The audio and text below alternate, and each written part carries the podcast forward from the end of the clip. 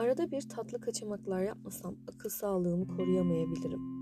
Bu kadar şeker tüketmek çok sağlıksız diye diye başımın etini yediğinizde Charlie'nin çikolata fabrikasına ikametimi aldırasım geliyor.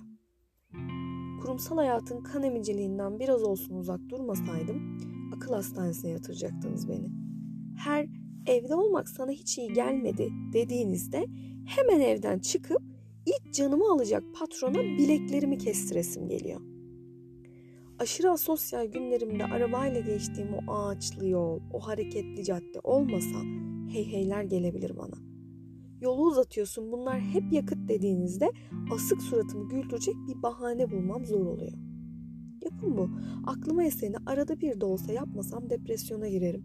Planlayalım, ayarlayalım, bir bakalım dediğinizde planlanan o zamanı erişecek hevesim kalmıyor. Duygularıma bu kadar sarılmasam, onları fark etmeye çalışmasam çöpe dönebilirim.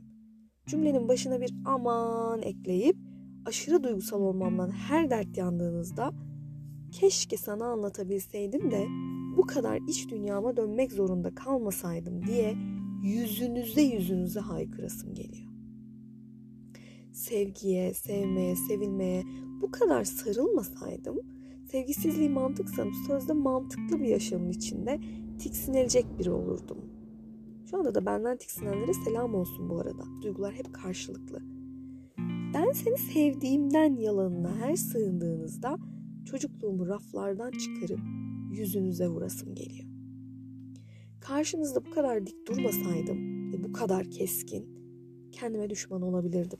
Her hiç konuşturmuyorsun ki ama hiç dinlemiyorsun ki dediğinizde konuştuğunuz ve dinlediğim zamanlarda beni nasıl küçülttüğünüzü dev bir ekranda size izletip sonra da sonsuza dek hayatınızdan çıkasım geliyor. Kendimi iyi etmeye, kendimle barışmaya çalışıyorum.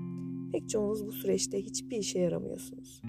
Acımasız yargılarınız ve kulaktan dolma inançlarınız bana hiç iyi gelmiyor. Varlığınız sadece bir et parçası. Birine gerçekten yürekten sarılmak neydi unuttum. Birilerinden yana beklentiye girme faslını geçeli de çok oldu zaten. Kendimle dertleşmeyi öğrendim. Ha bu arada pek de fena biri değilmişim. Diyordum. Ha sizden yana bir umudum yok benim. Yeter ki artık gölge etmeyin.